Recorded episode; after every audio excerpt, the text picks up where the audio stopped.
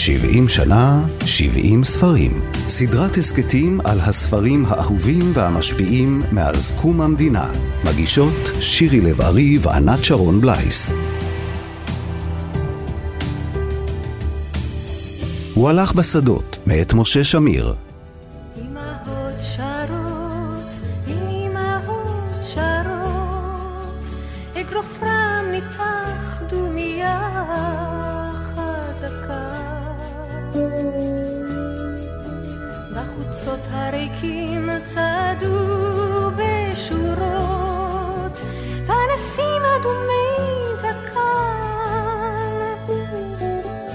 אתה מחפש מישהו?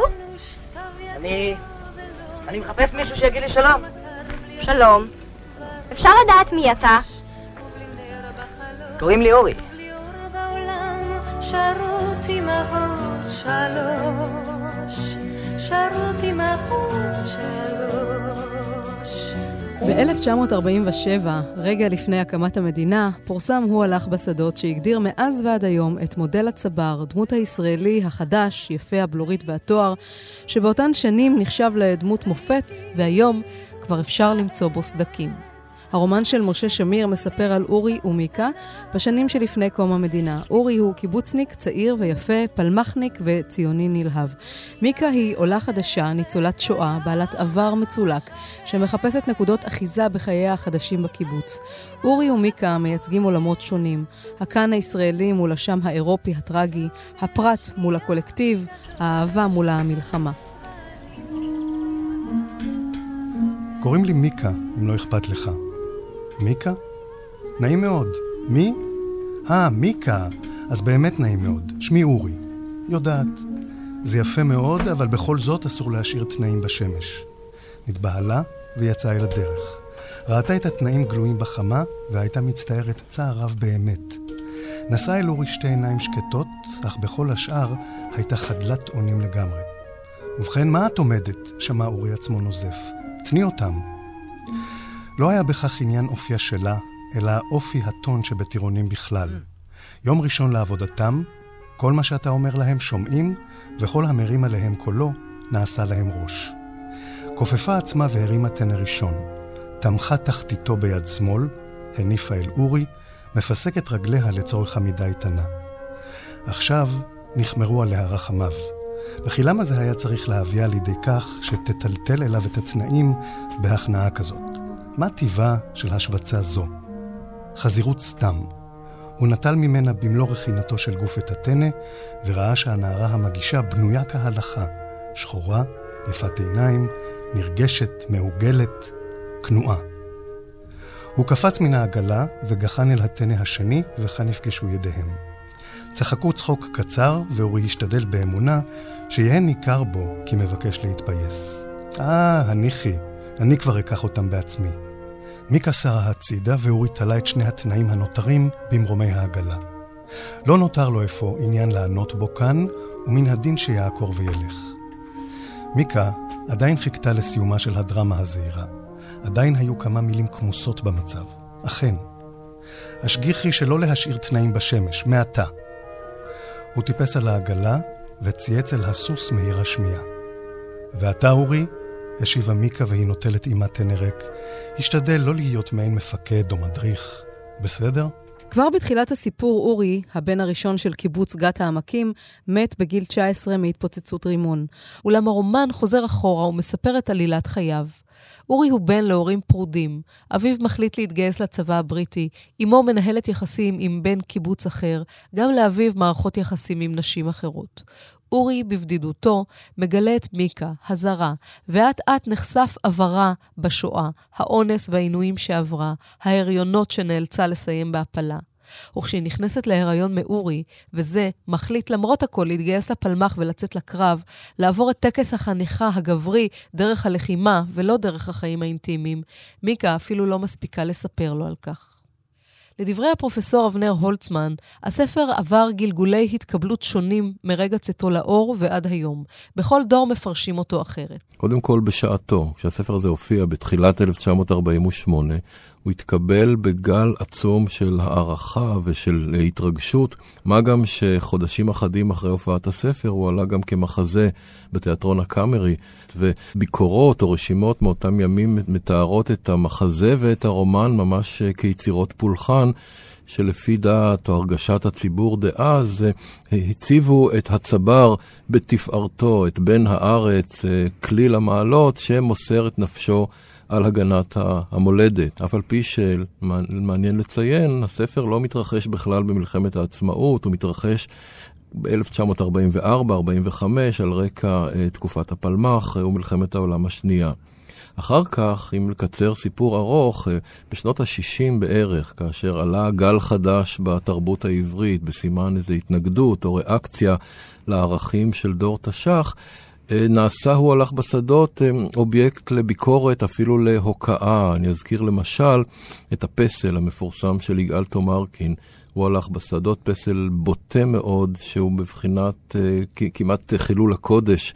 ואני זוכר ששמעתי ממשה שמיר עצמו כמה הוא סולד ומתעב את הפסל הזה, שנראה לו כאקט של ביזוי הרומן שלו. אם כי באותה שנה שבה uh, הציג תומרקין את uh, פסלו, 1967, גם נעשה הסרט. הוא הלך בשדות עם אסי דיין, עם אפילוג שמתרחש uh, בימי מלחמת ששת הימים.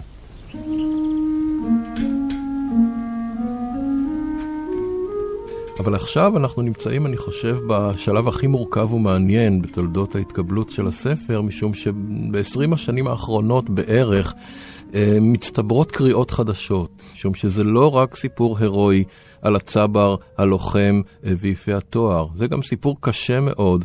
על נער שגדל בעצם במשפחה הרוסה. הרי הרומן נפתח בכך שהוא חוזר לקיבוץ מבית הספר החקלאי. הוא מגלה שאין לו משפחה, אביו ואימו נפרדו, הוא בעצם מחפש לו בית. עד שהוא נצמד אה, למיקה, שזה צירוף ניגודים בפני עצמו, משום שהיא ניצולת השואה מילדי טהרן. אה, הוא לא מתחיל אפילו להבין את עומק המורכבויות והטראומות אה, שהיא נושאת איתה. יש גם מחקרים שבוחנים את הגבריות של אורי, שהיא גבריות מעורערת ופגומה לגמרי. גם אה, סיומו של הרומן, שהוא ספק תאונה, ספק התאבדות, הוצג כאולי שיא הנפילה, הקריסה, הכישלון של אותה אה, דמות צבר. כלומר, הספר הזה, יש בו מספיק אה, רבדים וממדים כדי שהוא יתחדש בכל פעם מחדש. אני חושב שהיום אנחנו באיזה שלב של סינתזה, אנחנו רואים את כל הממדים אה, של הדמות הזאת.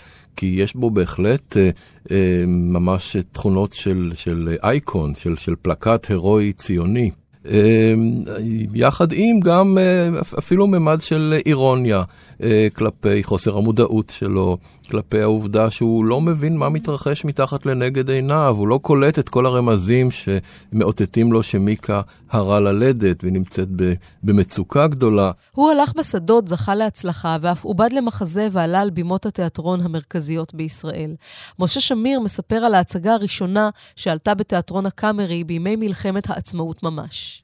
זאת הייתה ההצגה הראשונה שהוצגה במדינת ישראל. אתם יודעים שהמדינה הוכרזה ב-14 במאי 1948, נכון?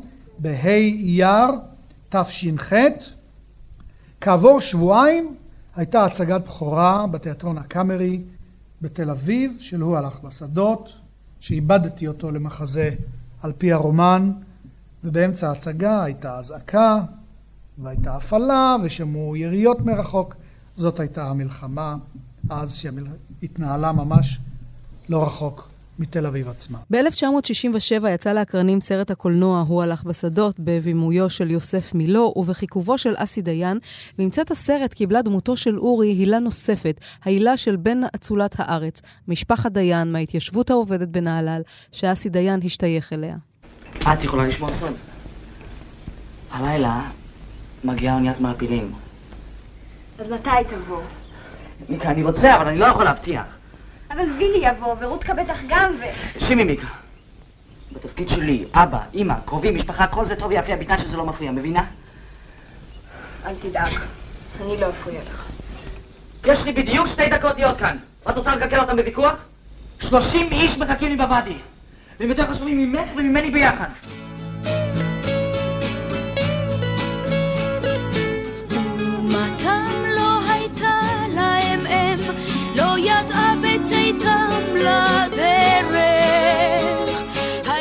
משה שמיר היה סופר, עיתונאי ואיש ציבור. הוא נולד בצפת ב-1921, ולמאוחר יותר עברה משפחתו לתל אביב, שם גדל.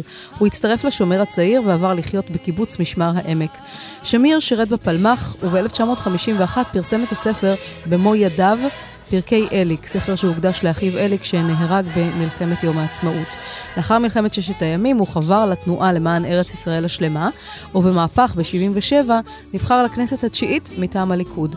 שמיר התנגד להסכמי קמפ דיוויד ועל רקע זה פרש מהליכוד ונמנה עם מקימי תנועת התחייה. הוא זכה בפרס ישראל בשנת 1988 וב-2004 הלך לעולמו. הפרופסור אבנר הולצמן סבור ששמיר, גם אחרי שתמך בארץ ישראל השלמה, וגם אחרי שיצא נגד יצחק רבין בתקופת אוסלו, תמיד היה אותו נער אקטיביסטי שחלק על מנהיגי השומר הצעיר, והיה בעל זיקה לכל חלקי הארץ. אני לקראת השיחה הזאת, עניין אותי לראות מה כתוב בוויקיפדיה על הוא הלך בשדות. יש ערך מאוד מפורט, הוא הלך בשדות בוויקיפדיה. קראתי ונבהלתי, נחרדתי מעוצמת הסטריאוטיפ. אורי, הדמות ההירואית, אה, הבז לניצולי השואה וכולי. זו מין קריאה כזאת ש... אולי שורשה בשנות החמישים הראשונות, והיא עוברת ומונחלת דור אחרי דור של מורי ספרות לתלמידיהם, וכל תוצאות המחקר החדש לא מחלחלות בכלל. כל המורכבויות שאני מדבר עליהן עכשיו, גם כשאני מציג את, את, את ספרות דור תש"ח לפני סטודנטים, הם יודעים שניים שלושה סטריאוטיפים, לפקודה תמיד אנחנו, כן, הבן הנבחר של העם הנבחר אה, אה, וכולי. זה נכון שמ-1967 שמיר גייס את עצמו, הוא ייסד יחד עם אלתרמן את התנועה למען ארץ ישראל השלמה, והלך ימינה וימינה עד כדי דברים איומים ונוראים שהוא אמר על יצחק רבין ערב הרצחו, שאחר כך ודאי אה, הצטער עליהם, אבל בבסיס אה, הוא נשאר אותו משה שמיר, אותו נער שיצא לחלוק על מנהיגי אה, תנועת השומר הצעיר עוד לפני מלחמת העולם השנייה. בשביל שמיר ארץ ישראל הייתה תמיד שלמה. אה, גם כשהוא היה בקצה השמאל המפ"מי. כשהוא היה חבר כנסת בתנועת הליכוד, מנחם בגין היה תמיד מלגלג עליו, כן, על, על השלב הסטליניסטי בחייו, אמר לו, לא ממך אלמד אהבת ארץ ישראל מהי, אבל בבסיס שמיר היה תמיד אותו שמיר, רק בנסיבות המשתנות של ההיסטוריה ושל הפוליטיקה.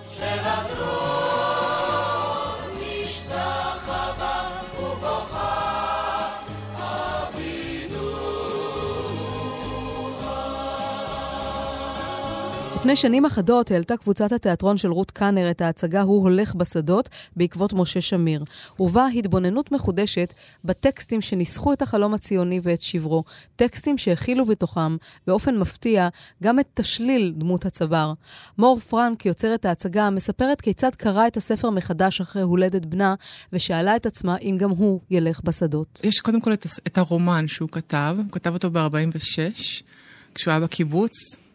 אה, וזה היה רומן מאוד מהורהר, פיוטי. הוא לא יצא לאור, הוא, הודפס, אבל הוא לא נכרך. הוצאת הקיבוץ המאוחד לא הסכימה, בסופו של דבר אה, לא עמדה מאחוריו. ושנתיים אחרי זה, יוסף מילו, מהקאמרי, פנה למשה שמיר ואמר לו, אני רוצה להפוך את זה למחזה. ובשנתיים האלה מה שקרה זה שאח שלו, אליק, מת, והייתה מלחמת העצמאות. ובעצם מה שקרה זה שהם לקחו את העלילה הרזה של, של הרומן, וזו אותה עלילה, אפשר לזהות את הקווים, אפשר לזהות את העלילה, אבל בעצם השמיטו את כל החלקים שהיו מהורהרים, פיוטיים, את כל החלקים שהעידו על איזשהו איסורים, על איזה שהם לבטים. וכמובן העצימו את הסוף, את ההירואיות שבסוף. הסוף של המחזה הוא סוף אה, הירואי, שבו אורי מוסר את אה, נפשו למען, למעננו, ובסוף של הרומן הוא מתאבד בצורה מאוד, מאוד ברורה. זה מחזה שהרבה שנים הולך איתי, לא ידעתי כמה הוא הולך איתי, אבל אחרי שנולד הילד שלי, שנה אחרי זה בערך קראתי את הטקסט בפעם המי יודע כמה, פשוט לא הפסקתי לבכות. וכשרותי קאנר פנתה אליי אה, לבוא לביים בקבוצה, שמבחינתי זה חלום שהתגשם, אז היא שאלה אותי איזה טקסטים מעניינים אותי. אמרתי לה, יש טקסט אחד שמאוד שמגדיר אותי, שנוגע בצורה יותר ממש עמוקה, אבל אה, אני לא יודעת, זה מין משהו כזה שלא מגשימים. אז אמרה לי, מה? אמרתי לה, הוא הלך בשדות. כזה פערה, הרימה גבה ואמרה, למה? אז אמרתי לה, כי מהרגע שהילד שלי נולד, השאלה הראשונה שקפצה זה, מה, הוא עדיין ילך בשדות? והשאלה הנוספת, כלום לא השתנה?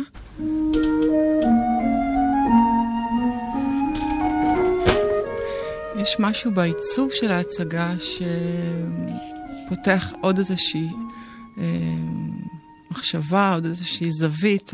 הקהל מוזמן אה, לאיזושהי אספה, שהיא אספת קיבוץ, סלש ישיבת בית משפט, סלש אה, כל דבר, כל איזשהו כינוס קהילתי שאנחנו מאוד רגילים אליו פה.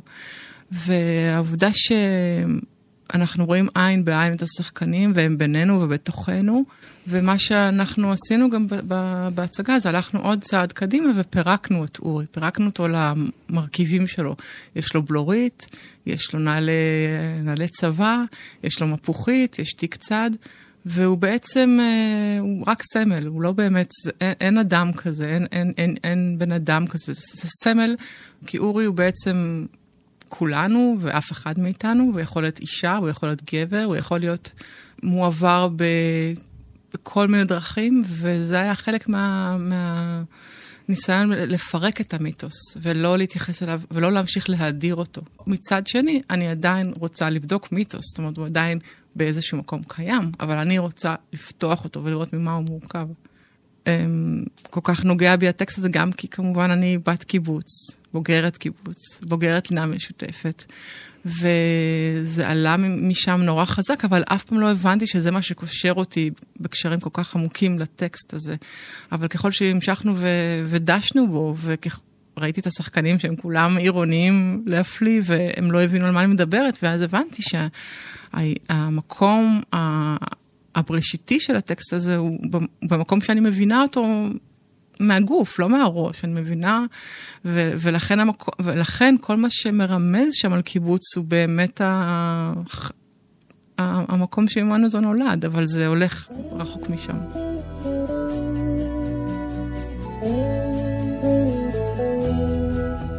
את שם ספרו "הוא הלך בשדות" לקח שמיר מתוך שירו של אלתרמן, האם השלישית.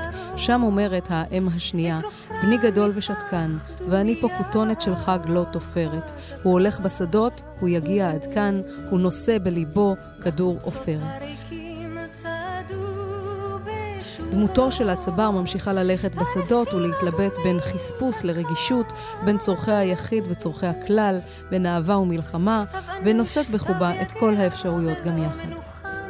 ומטר בלי אחרית ובראש, ובלי נר בחלון, ובלי אור בעולם. ובכן, מהו הגרעין המרכזי והוא הלך לשדות? ישנו הבחור, הגיבור, אורי, שאיננו מוכן להשלים עם החיים כפי שהוא מוצא אותם, כפי שהוא נזרק לתוכם.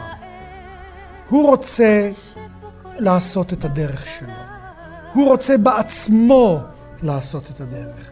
הוא, עם כל זה שהוא מחפש את הדרך אל החוץ, אל הפעולה, אל השדות ואל ההרים, את הדרך אל בני אדם הוא איננו מוצא. ואומרת שנייה בני גדול ושתקן,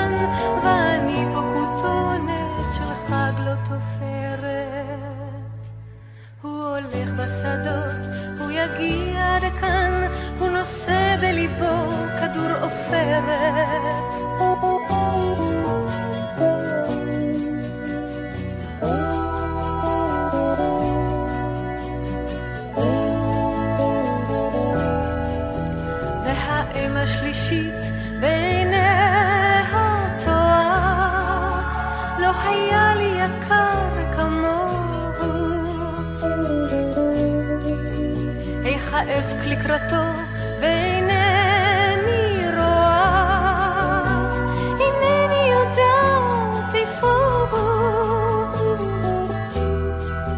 אז הבכי רוחץ את ריסיה שלה, ואולי עוד לא נח. ואולי הוא מודד בנשיקות כנזיר משולח את נתיב עולמך אלוהי, את נתיב עולמך